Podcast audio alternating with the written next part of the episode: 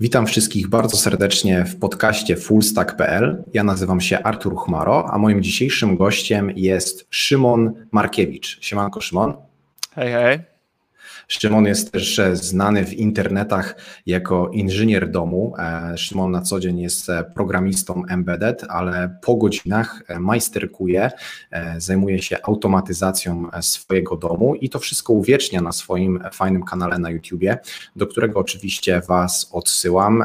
W opisie do tego nagrania znajdziecie wszelkie niezbędne linki. My dzisiaj będziemy rozmawiać ogólnie o tym, jak można wykorzystać swoje programistyczne umiejętności umiejętności do tego, żeby coś sobie ułatwić, coś sobie zautomatyzować e, w domu. E, myślę, że warto nas dzisiaj jest posłuchać do końca, z tego względu, że jest to pierwszy chyba odcinek, no tak, nie chyba, tylko na pewno pierwszy odcinek sponsorowany. Bądź przygotowany na to, co przyniesie jutro z Farnell, twój dostawca komponentów do projektów IoT i sponsor tego odcinka. Odwiedź nas na farnell.com.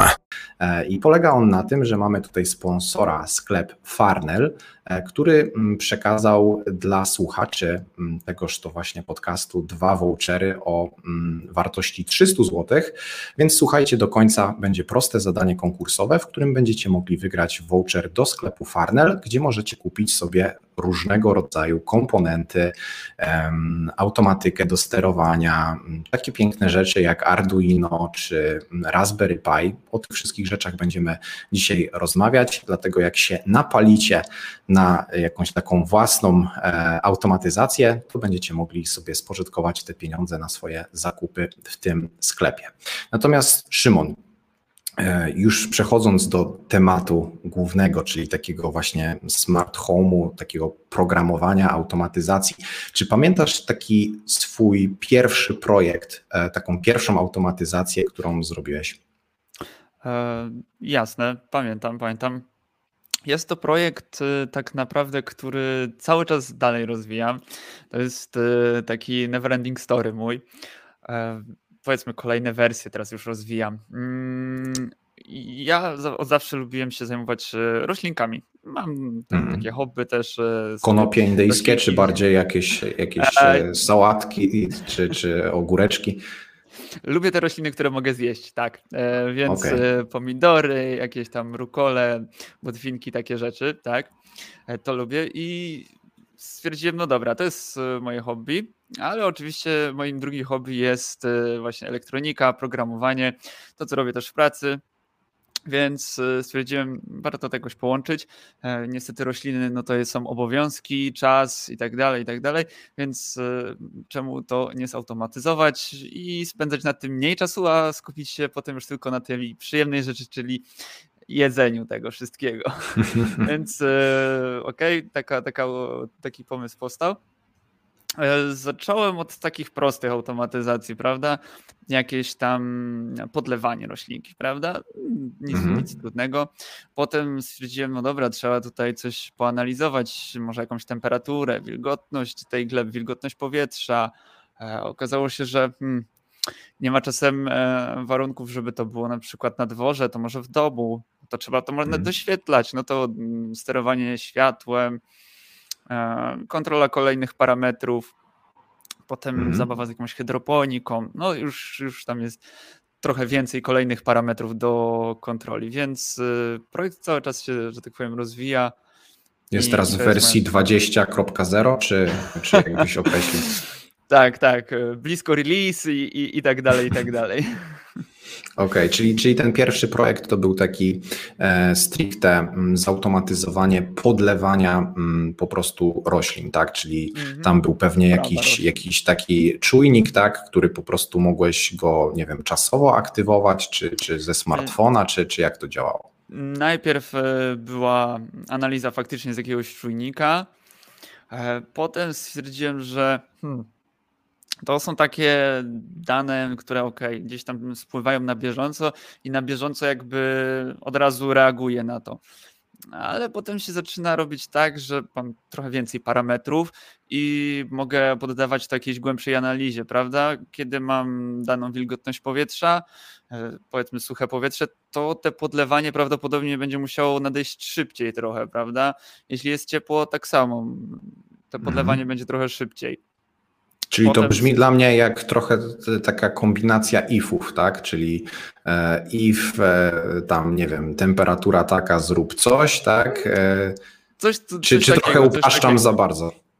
A, oczywiście no, to jest jakieś takie małe uproszczenie, ponieważ jak zaczynamy sobie bawić się taką automatyką, to zaczynamy także myśleć o tym, jak nasz układ będzie regulował. Tak? To jest taka, taka sprawa regulacji.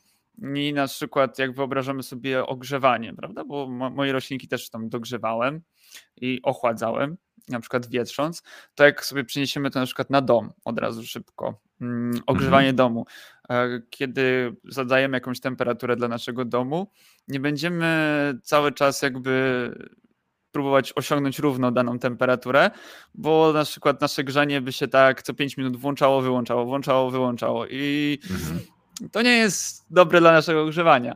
E, mhm. Więc e, stosuje się różne sposoby regulacji, żeby już sam układ powiedzmy utrzymywał albo się w ramach jakichś tam widełek wokół naszej mhm. zadanej temperatury, albo troszeczkę bardziej skomplikowane regulacje, które właśnie gdzieś tam już uwzględniają cały nasz układ, który, którym regulujemy. Więc się robi troszeczkę tam więcej teorii poczynając właśnie od takiej prostej mm, automatyki właśnie powiedzmy tych widełek. Mhm, mhm. Okej, okay. E, zaraz sobie przejdziemy do tego, mm, jak w ogóle oprogramować takie rzeczy, e, no bo jednak e, tej audycji, tego podcastu myślę, że słuchają głównie osoby, które mają coś wspólnego mm, z technologiami webowymi, więc na pewno chciałbym Cię podpytać o to, czy w ogóle znając JavaScript e, jesteśmy w stanie e, użyć tą naszą wiedzę właśnie, żeby sobie coś ułatwić mm, czy, czy, czy zautomatyzować w naszym domu, więc za chwileczkę do tego mm, przejdziemy, ale takie teraz pierwsze pytanie, co mi się nasunęło, no to Dajmy na to, jak już mieszkam e, w danym miejscu i mam już jakiś piec, e, to, to czy w ogóle jest ciężko e, podpiąć się do takiej już istniejącej instalacji i coś z niej zautomatyzować, bo E, domyślam się, że jeżeli ktoś już buduje dom tak od podstaw, no to może pewne rzeczy założyć, że chce coś zautomatyzować i, i na przykład e, użyć jakichś specjalnych pieców albo speca, specjalnych komponentów, nie wiem, przyłączeniowych. Natomiast czy, czy, czy jest możliwe już takie automatyzowanie takiej instalacji, która już istnieje? Tak, jak najbardziej. Tak jak wspominałeś, na etapie projektowania domu to jest już super e, stan, że możemy wszystko połączyć e, kablami, wybrać odpowiednie urządzenia i tak dalej, i tak dalej, więc to jest stan idealny.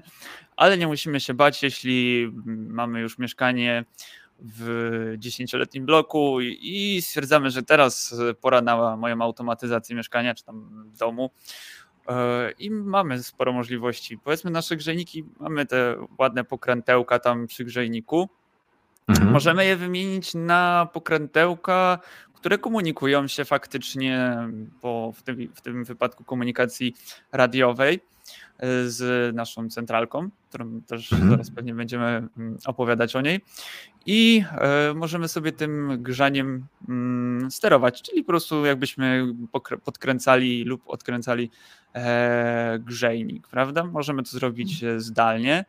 Mm, mamy do tego termometr, który także komunikuje się radiowo Przyklejamy sobie go gdzieś na ścianę, małe, ładne pudełeczko. Nie widać tego nawet zbytnio. I to także komunikuje się na przykład z naszą centralką. Światło, no to mhm. wiadomo, to, to, to, większość osób widzi różne bariery, nawet w naj, najzwyklejszej Biedronce teraz dostaniemy jakąś smart żarówkę, prawda? Tylko, że to jest też e, takie, takie błędne myślenie o tym, że, że smart żarówka to już zrobi nam smart home. Smart home to jest takie pojęcie bardziej ogólne, mm, związane z automatyką domową. A sterowanie żarówką przez telefon to nie do końca jest automatyka domowa, bo to nic za nas nie wykona fajnie, nie, nie zautomatyzuje jeszcze tego. Mhm. No tak, tak, ale, ale można wujkowi pokazać, że zobacz wujek, mam tu apkę i, i steruję sobie żarówką, zrobić to 10 razy w swoim życiu i później używać tego jak zwykłej żarówki, prawda? Dokładnie. No dobrze, więc przejdźmy dalej, czyli e, dobra, myślę, że to jest ważne pytanie, że, że można coś już zautomatyzować w istniejącym domu, prawda? No bo myślę, że, że e, to, jest, to jest taka istotna kwestia, bo często już o tej automatyce się niestety myśli po czasie, jak już e, elektryk był, jak już tynki są, jak już wszystko jest wyrównane i no, nie myślimy o tym, żeby nagle wszystko rwać i kłaść na nowo, prawda? Więc, mhm. więc tutaj myślę, że jest nadzieja cały czas dla majsterkowiczów i auto, e, automatyków, tutaj takich domorosłych, którzy chcą coś sobie zrobić e, w swoim domu. No to teraz może przejdźmy do tego, czy w ogóle da się coś zrobić, zautomatyzować, e, znając takie no, już nie takie języki programowania niskopoziomowe jak C, e, czy, czy, czy C, czy, czy jeszcze jakieś tam inne rzeczy z embedded, e, tylko po prostu, e, jeżeli ktoś zna takie bardziej wysokopoziomowe języki typu JavaScript albo Python,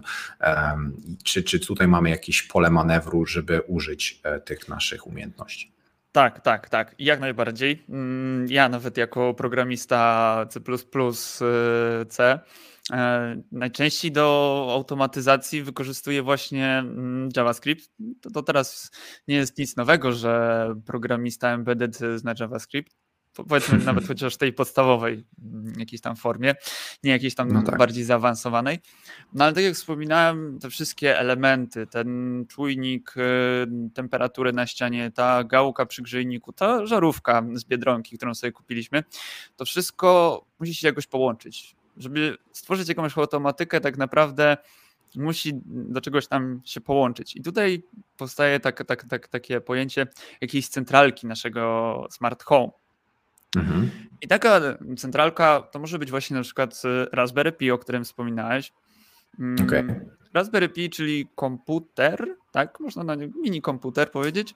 E, architektura tam się troszeczkę różni mikroprocesora, ale tak naprawdę jeśli podłączymy do tego monitor, klawiaturę, myszkę, wyświetlimy sobie system operacyjny, tak, jakiegoś tam e, bliskiego Debiana, tam jest Raspbian, to jest taki, taki przerobiony Debian lub inny e, właśnie Linuxo-podobny system no to możemy skorzystać z tego jak ze zwykłego komputera. Możemy sobie tam ściągnąć Worda i tak dalej, i tak dalej. No ale właśnie na tym możemy sobie postawić ten nasz e, serwer automatyki domowej, no tą naszą centralkę. No i właśnie taka centralka to jest coś, gdzie umieszczamy tą naszą logikę automatyki domowej, tak? Czyli mhm. I tu jeszcze, co od czego. Jeszcze tylko szybko ci przerwę. No bo taki Raspberry Pi to tak gdybyś naszym widzom mógł przybliżyć, podejrzewam, że są no, duże rozbieżności w cenie, tak? Czyli taka centralka może kosztować pewnie 6 tysięcy złotych, ale można też e, mieć jakąś bardziej budżetową, nie wiem, za 500, za 400 złotych. I e, teraz o, o takiej centralce, o której ty mówisz, to mniej więcej e, jak, jak, na jaki wydatek trzeba się szykować? Powiedzmy sobie takie Raspberry Pi, które nam by spokojnie wystarczyły jako centralka domowa już nawet z obudową, z zasilaczem, z kartą pamięci, no to spokojnie w 300 zł się zmieścimy, prawda? O, okay. Czasem potrzeba nam jakiegoś e, mm, powiedzmy peryferium, które pozwoli nam łączyć się z daną komunikacją, prawda? No bo już z siecią możemy się łączyć domową, mamy Ethernet, mamy Wi-Fi, więc e, o to się nie musimy martwić na taki Raspberry Pi. Ale jakbyśmy mhm. na przykład chcieli połączyć się z teraz bardzo popularną komunikacją Zigbee w automatyce domowej, no to musimy sobie do, najwyżej do tego dokupić dongla za 100 zł i podłączyć to do zwykłego USB, no bo mini komputer to ma takie, takie wejście jak USB, nawet 4 ma takie wejście i chyba są też USB 3.0 już teraz tam. O. Więc nie ma problemu tak jak mówiłem, blisko to y, stoi. 300 zł i, i, i taki ten Zigbee, to, to co powiedziałeś, e, to, to jest taki protokół łączenia się właśnie takich peryferyjnych, e, na przykład takiego e, termometru albo takiego zawora, zaworku w, w naszym kaloryferze z tą naszą centralką, tak? To jest taki protokół, czy troszeczkę źle to zrozumiałem? Trosze, troszeczkę więcej warstw tego modelu OSI obejmuje. Bardziej byśmy powiedzieli tak jak e, Wi-Fi, Bluetooth, Zigbee. Tak, kolejna komunikacja radiowa, gdzie oczywiście tam mm, w dole się troszeczkę inaczej już e, to komunikuje. Częstotliwość tam jest też 2-4 GHz, ale mm, troszeczkę tam powiedzmy na tych danych, to tam już na kolejnych warstwach się e, zmienia, inaczej wygląda niż Bluetooth powiedzmy. Mhm, Okej, okay. czyli, czyli mamy centralkę, mamy Raspberry Pi za na przykład 300 zł, mamy mm, ten, te dodatkowe peryferia, czyli jakiś tam zasilacz, ten, ten nadajnik i teraz e, jak to w ogóle wygląda, żebym mógł e, napisać coś w JavaScriptie, e, że na przykład jeżeli temperatura spadnie, to nie wiem, chcę odpalić kaloryfer. Tak. Są powiedzmy takie systemy e, do, do Raspberry Pi właśnie, które bardzo nam pomagają w automatyce domowej. E, najpopularniejszymi dwoma rozwiązaniami jest Domotic i Home Assistant. Chyba z przewagą Home Assistanta, sam z tego korzystam. I, i Home Assistant y, i Demotic mogą się połączyć z Node-REDem. Node-REDa możemy także mieć solo bez y, żadnego dodatkowego systemu nadrzędnego jeszcze, takiej opakówki. I Node-RED jest y, tutaj właśnie świetną bazą do automatyzacji, mm, ponieważ możemy tam mm, znaleźć nasze żarówki, odczyty z czujników, i naprawdę masę różnych e, elementów, które nam pozwoli właśnie to spiąć w jakąś logikę, tak? Mhm. Czyli można, można powiedzieć, że Node-RED jest trochę takim frameworkiem do automatyzacji, że mamy pewnego rodzaju funkcje, obiekty, e, jakoś tak ułatwioną po prostu komunikację e, między człowiekiem a jakimś sensorem, a, a, a na przykład jakimś urządzeniem? Tak, no to, to, jest, to, to jest dobre pytanie właśnie, czym jest Node-RED sam w sobie. A niektórzy mówią, że to framework, bo faktycznie można to nazwać spokojnie frameworkiem, e, od razu wbudowanym serwerem jeszcze, więc, mhm. więc mamy tutaj, tutaj spore mm, od razu zaplecze gotow, gotowca takiego, mm, mhm. jeśli chodzi o centralkę mm, Smart Home. I tutaj faktycznie mocno czujemy takie zalety frameworku, że Mamy dużo zrobionego już y, gotowego, mm, powiedzmy, softu, ponieważ nie musimy tutaj pisać linia po linii wszystkiego, tylko zaczynamy od razu z, powiedzmy, tym interfejsem Node-REDa, gdzie składamy sobie coś z bloczków. Mamy mhm. taki bardzo mm, prymitywny sposób tworzenia naszych automatyzacji. Powiedzmy, mamy bloczki i pomiędzy tymi bloczkami sobie jakoś tam te dane przechodzą. Bloczki są połączone liniami, powiedzmy. Tak? Mhm. I um, oczywiście możemy korzystać z gotowych bloczków. Jest masa różnych tam wtyczek do doinstalowania, e, jeśli chodzi o Node-REDa, czyli na przykład mamy jakiegoś producenta mm, naszych e, pokrętełek do grzejnika i najczęściej znajdziemy już gotową wtyczkę w Node-REDzie właśnie związaną z, z tym z tymi gałkami do grzejnika. Znajdziemy tam na przykład jakąś wtyczkę, która będzie związana z szedulowaniem jakichś, e, no nie wiem, zadań. Mhm. No można powiedzieć, że zadań dla, nasze, dla naszego domu w czasie, prawda?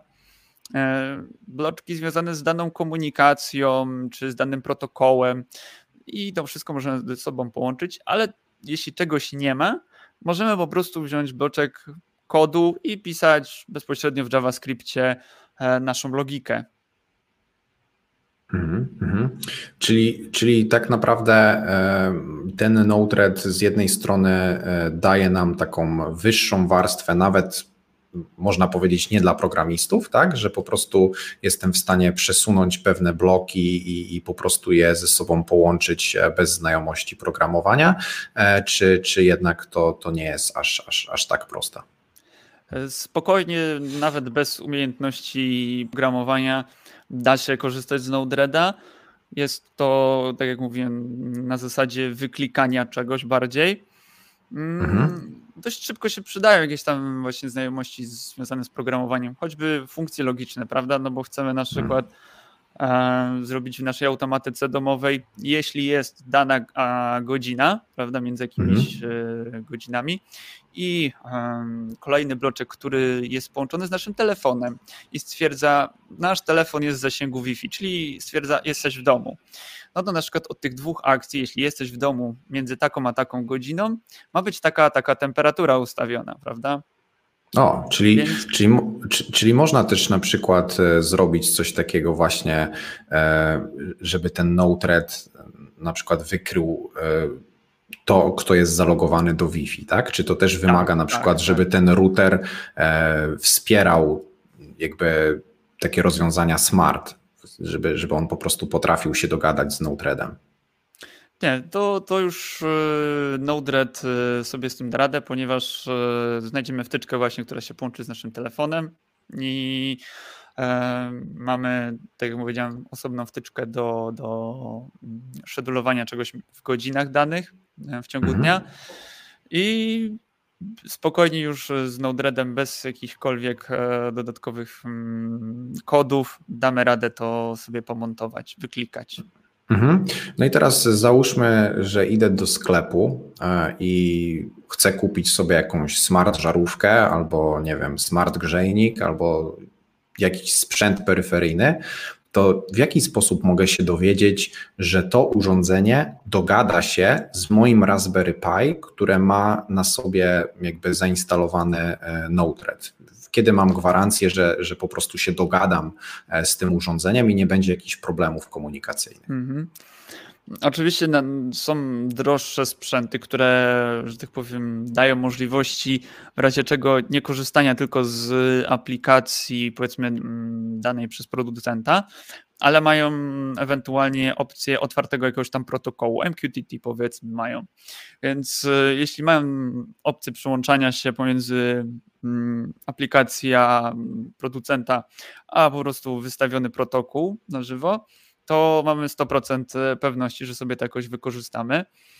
A tak, no to niestety trzeba po prostu wejść w sieć, wpisać na przykład Node-RED i nazwę żarówki, która nas interesuje i zobaczymy, czy, czy już to zostało jakoś połączone i jest jakaś gotowa wtyczka na to lub e, ktoś e, w dość rozległym community związanym właśnie z Node-REDem lub e, z na przykład tymi systemami, o których mówiłem wcześniej, czyli Home Assistant Low Domotic, gdzieś już to zrobiła, udostępniła na repozytorium cokolwiek, więc przez spore community też dużo zyskujemy, prawda, zawsze. Mhm. No tak, możemy reużywać e, pewne komponenty, pewne mm, rozwiązania, które już wcześniej ze społeczności e, po prostu zrobił. E, czy są jakieś takie firmy, które po prostu od razu ci przychodzą do głowy, że jest na przykład producent żarówek albo jakichś takich komponentów, które na pewno zawsze są otwarte i nie ma problemu, żeby się z nimi podłączyć? kurczę, jakiegoś takiego producenta teraz mi ciężko sobie mm, przypomnieć, ale na przykład wszystko, co będzie związane z Tuya, e, przez Y tam jest, e, tą firmą, mm, wiele elementów e, od firmy Iteda, SonOff działa z takimi systemami, nawet systemy od IKEA, mm, które są związane właśnie z takim radiowym sterowaniem światem, także powinny nam się gdzieś tam e, połączyć z tym e, Node-REDem, a właściwie z Home Assistantem i z Node-REDem na przykład. O. Mm -hmm, Okej. Okay. A gdybyś e, miał nam polecić taki, taką pierwszą naszą implementację, czyli taki jakiś fajny projekcik, który po zakupie na przykład Raspberry Pi, który możecie sobie kupić, e, jak wygracie nasz dzisiejszy konkurs, e, albo poprosić Mikołaja e, o, o taki prezent, no to dajmy na to, że ktoś już ma ten Raspberry Pi, ściągnie sobie tego Node-REDa, to jakiś taki prosty projekt, nie wymagający jakichś mega dużych nakładów finansowych. Czy tutaj coś byś takiego polecił naszym słuchaczom, żeby sobie po prostu zobaczyli, jak można to zrobić no, w prawdziwym świecie z prawdziwym urządzeniem? Myślę, że spokojnie mogą właśnie zacząć z, z czymś sonofowym, sonof e, jakiś. Nie musi być to od razu taki Zigbee, o którym wcześniej e, wspominałem. Mo można zacząć spokojnie od e, Wi-Fi, spróbować z jakimś właśnie smart gniazdkiem, prawda? Bo nakładamy to na gniazdko i mamy kolejne gniazdko, tylko już z możliwością sterowania po Wi-Fi, prawda? I coś możemy sobie właśnie włączyć, wyłączyć poprzez e, takie automatyzacje. Mhm, Myślę, mhm. że to jest na początek takie, takie dość, dość proste, prawda? Mamy e, gniazdko czy jakieś wyjście 0,1, włączone, wyłączone, a potem już e, bardziej rozbudowane no to są ogrzewania i tak dalej. Okej, okay, czyli tak naprawdę e, taki prosty projekt polegałby na tym, że kupuję urządzenie, które mm, dogaduje się e, z Node-REDem, je wsadzam na przykład do, e, do gniazdka, podłączam tam sobie na przykład jakąś stojącą lampę, która jest cały czas włączona, a przez to, że jest podłączona do prądu przez to urządzenie, to mogę na przykład z Node-REDa zrobić sobie jakieś na przykład automatyzację, że jeżeli jakiś warunek jest spełniony, to tam jest puszczony prąd po prostu mm-hmm. przez, przez, e, jest puszczone zasilanie, w przeciwnym wypadku nie. Coś takiego. Możemy sobie zrobić Potem już naprawdę wiele. Widziałem różne na przykład alarmy, czyli mruganie nawet taką zwykłą żarówką domową. Może to, to kogoś wkurzyć, ale na przykład e, ostatnio wiadomo jak, jak, wygląda rynek kryptowalut, no to na przykład niektóre osoby sobie stworzyły automatyzację, która polega na tym, że kiedy jest wielki spadek, to zaczyna mrugać jakieś światło w domu. Więc e, może miały niedawno jakieś tam duże mrugania w domu. No tak, tak. Albo, albo jakiś też wręcz, nie wiem, podłączony jakiś alarm dźwiękowy, że w nocy jak bitcoin zleciał o 15%, to nie wiem, że, cię, że budzi całą Syrena. rodzinę. Tak, syrena. E, no dobrze, y, a jeszcze gdybyś tak nam na przykład powiedział, bo ostatnio też mi znajomy mówił o czymś takim, e, nie wiem czy miałeś z tym jakieś doświadczenia, że na przykład na etapie już na przykład budowy domu albo wykończenia mieszkania e, można zainwestować w jakieś takie smart kostki. Czyli na przykład jak podłączamy jakieś właśnie gniazdko albo światło, e, to możemy e, wydać troszeczkę więcej pieniędzy i e, po prostu posłużyć się mm, jakąś taką smart kostką, z którą właśnie później możemy się na przykład połączyć. E, to znaczy tak, e, możemy spokojnie wykorzystać e, takie urządzenia nawet na już zbudowanej instalacji, ponieważ są to elementy no, dość malutkie, powiedzmy gdzieś takiej wielkości, takie grube i większość puszek po prostu powinny się zmieścić nawet pod gniazdko, prawda? Lub hmm. przełączniki, które są smart, prawda, mamy na ścianie gdzieś tam za mną widać jakiś o tutaj um, przełącznik, no to możemy sobie go w prosty sposób, mimo y, tego, że już jesteśmy dawno mm, po budowie, po kładzeniu instalacji, wymienić na taki, który oprócz tego, że normalnie się przełącza, to na przykład daje także sygnał e, radiowy do naszej centralki, prawda? Więc nie musimy mm, się tym przejmować, że, że to jest e, na etapie budowy. Wtedy mamy oczywiście możliwość mm, puszczenia czegoś kablem e, przewodowo, co zawsze jest jakimś tam komfortem i oszczędnością w energii na przykład. Ale no, nie ma problemu, żeby to potem zrobić radiowo także. Mhm. E, jak już jesteśmy przy tym radiowym temacie, to teraz e, w sumie przyszło mi takie pytanie do głowy. E, jak jest w ogóle z zasięgiem takiego protokołu radiowego? Czyli jeżeli ja mam na przykład jakąś taką centralkę Raspberry Pi i sobie ją na przykład położę w piwnicy, a mam na przykład jakiś czujnik, e, dwie kondygnacje wyżej na poddaszu, na przykład mam tam jakąś lampę albo coś związanego właśnie z grzejnikiem, e, to czy, czy muszę instalować jakieś urządzenia, które są w stanie wzmocnić ten sygnał, czy, czy to są takie fale, że one spokojnie taką odległość pokonają?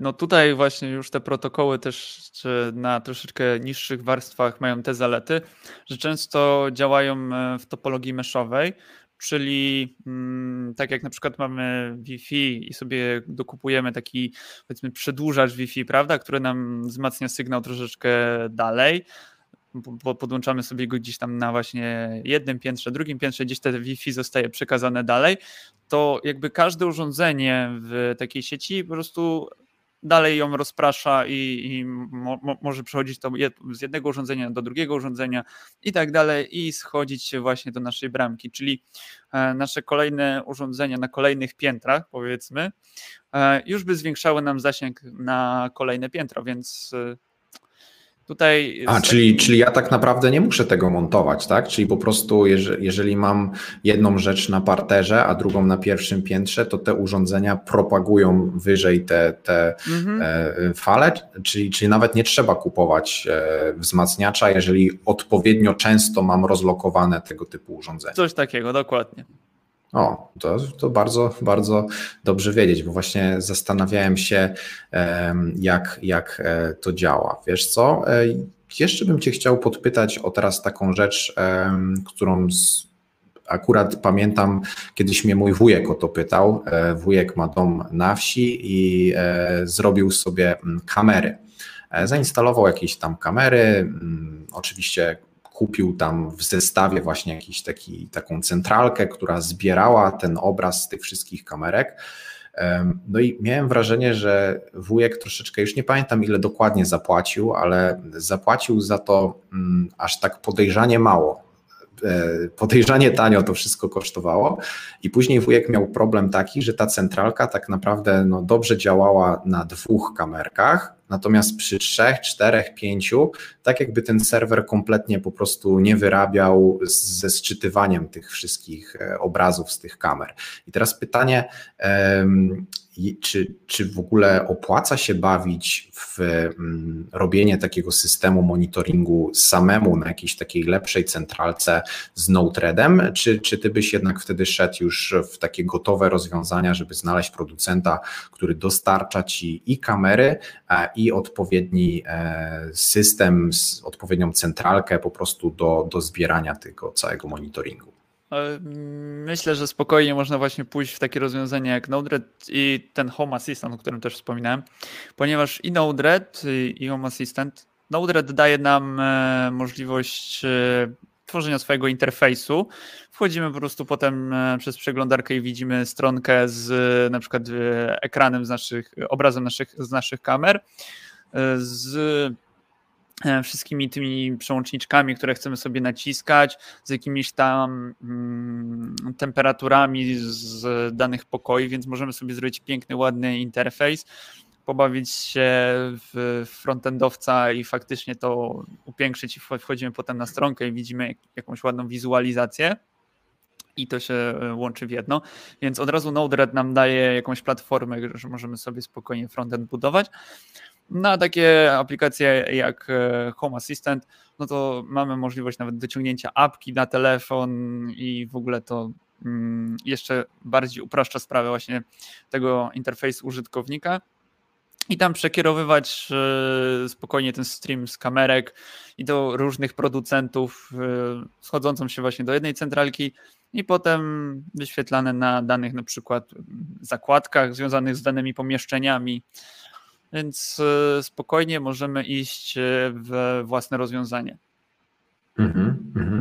No właśnie, bo, bo, bo tutaj zastanawiałem się, bo wiadomo, czasami to jest tak, że producenci, którzy dostarczają nam takie gotowe rozwiązania od siebie, e, no to zależy im na tym też, żeby nam sprzedać centralkę, żeby później sprzedać nam abonament, żeby nam sprzedać jakąś usługę Your Home in Cloud i tak dalej, i, i, charge'ować za to co miesiąc.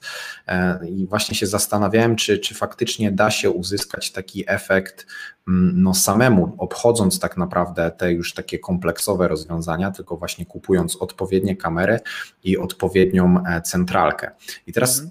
Takie pytanie co do takiej centralki, czy, czy tutaj już taki Raspberry Pi za 300 czy tam 200 zł nam wystarczy, czy jednak już e, taką centralkę wtedy trzeba rozbudować i bardziej już mieć taki dedykowany komputer gdzieś tam w piwnicy, na którym po prostu ten Node-RED śmiga?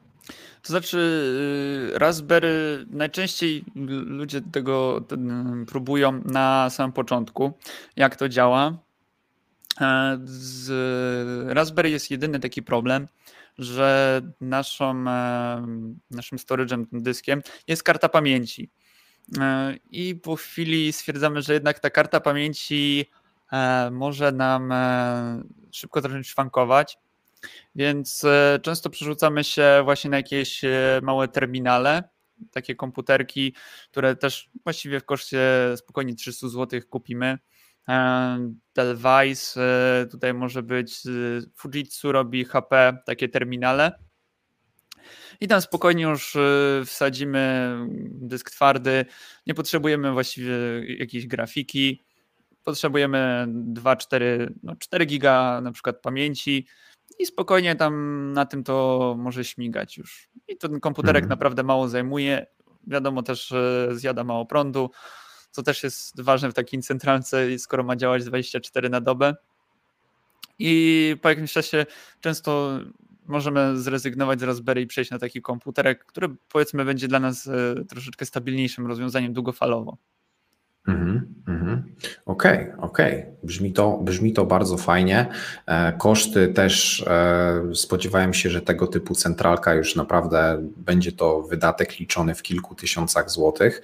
Natomiast wychodzi na to, że e, faktycznie tutaj jak ktoś wygra w tym naszym dzisiejszym konkursie, to na tym sklepie Farnell być może będziecie w stanie sobie skompletować taki fajny zestawik i po prostu pobawić się z tą automatyzacją, pobawić się Node-REDem i wykorzystać wykorzystać swoje JavaScriptowe e, skillsy do e, właśnie oprogramowania czegoś fajnego w swoim e, domu.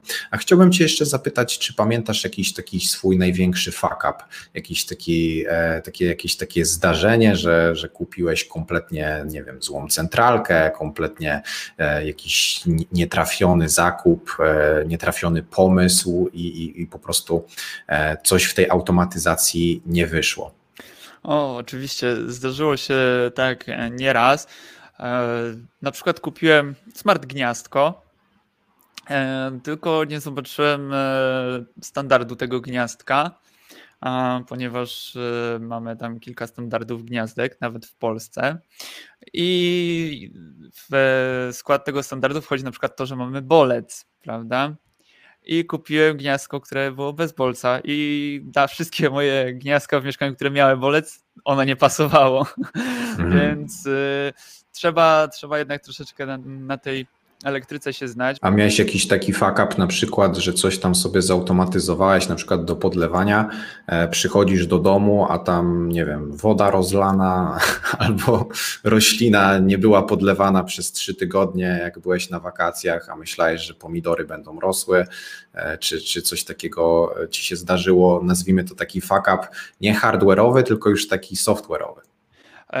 Mo, może y, powiedzmy gdzieś pośrednio, bo jednak mm, kiedy zaczynamy się bawić w embedded, troszeczkę informacje z dziedziny elektroniki też się przydają. Oczywiście lepiej, e, kiedy podkręcamy coś do 230, mm, poprosić kogoś, kto może się na tym zna, ze znajomych bardziej, bo to jednak czasem może być niebezpieczne. Mnie oczywiście zdarzyło się, mimo że siedzę w tym już od kilku lat, pomylić napięcia i na przykład, ok, podłączyłem pompkę, ma wszystko pompować. Przyjeżdżam, nic się jednak nie podlało.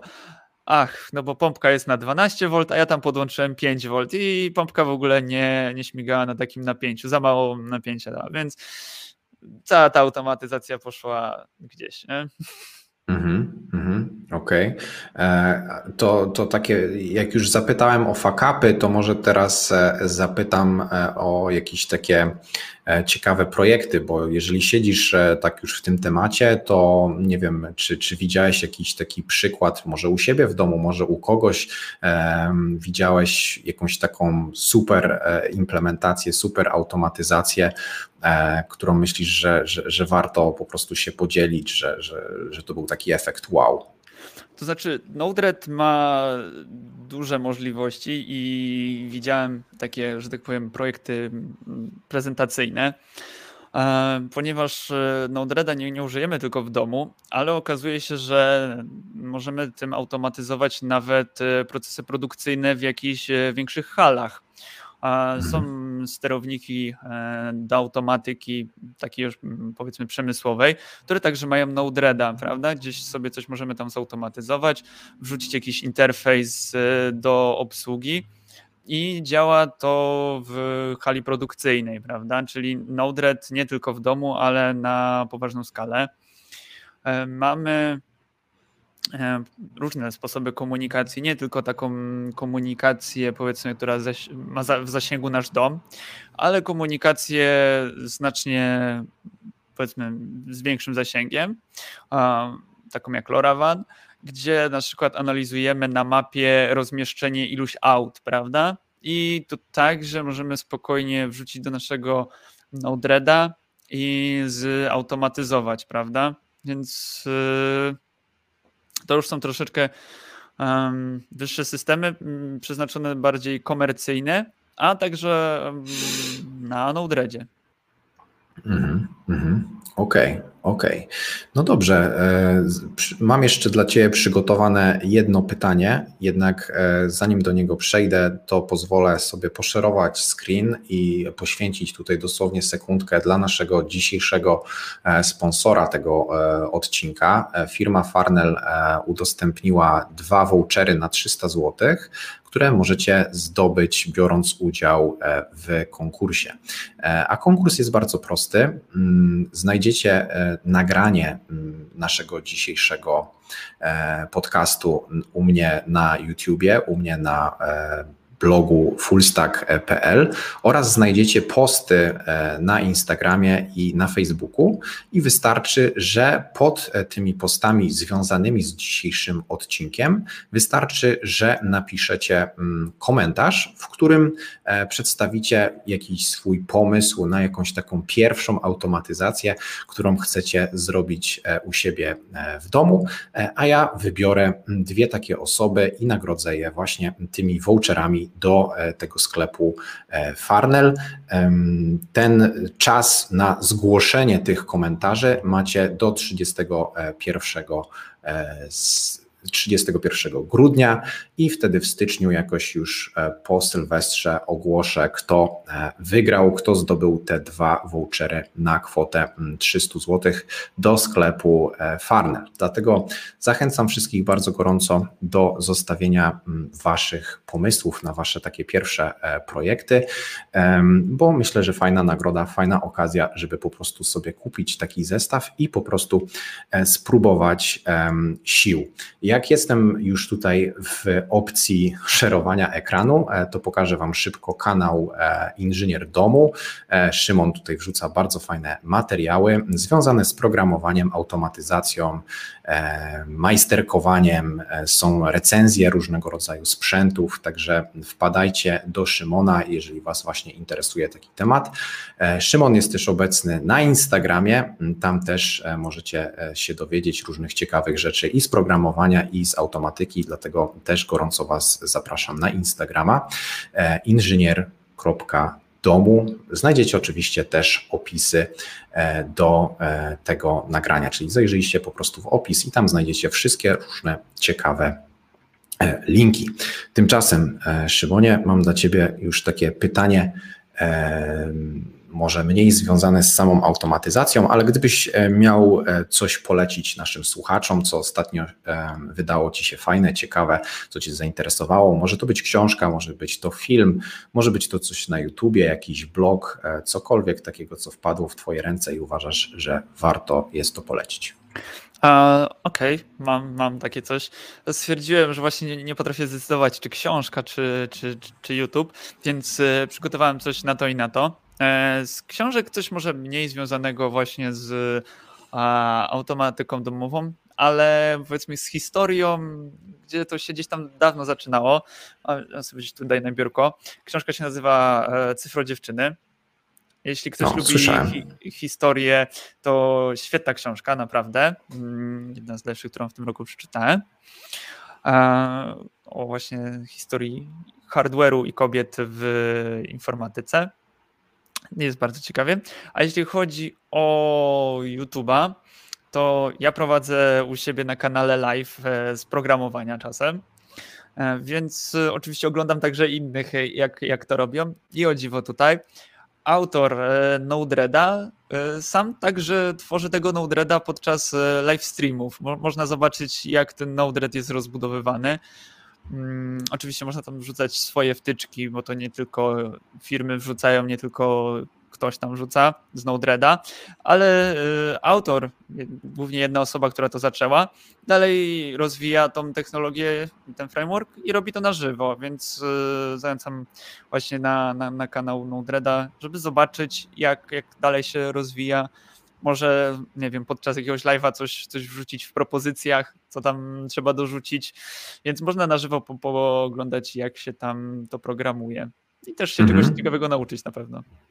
Okej, okay, okej, okay. więc zamieścimy na pewno link e, zarówno do książki Cyfrowe Dziewczyny, e, jak i właśnie do tych transmisji e, autora Notreda. Myślę, że no, takie live w dzisiejszych czasach no, to jest naprawdę kopalnia wiedzy, bo można zobaczyć też tak naprawdę od kuchni, jak wygląda właśnie tworzenie takich rozwiązań i, i poczuć taką po prostu atmosferę open source'a, prawda, bo bo też trzeba pamiętać, że zawsze za takimi projektami jak Node-RED stoją po prostu ludzie, którzy często pracują być może full-time'owo gdzie indziej, robią kompletnie inne rzeczy, a po godzinach jeszcze im się chce streamować i, i rozwijać właśnie takie produkty jak Node-RED, z których później możemy my y, bezpłatnie po prostu korzystać, więc na pewno warto wpaść na taki stream, e, wesprzeć takiego autora, e, podziękować mu za pracę, którą wykonuje na rzecz e, społeczności. Dlatego na pewno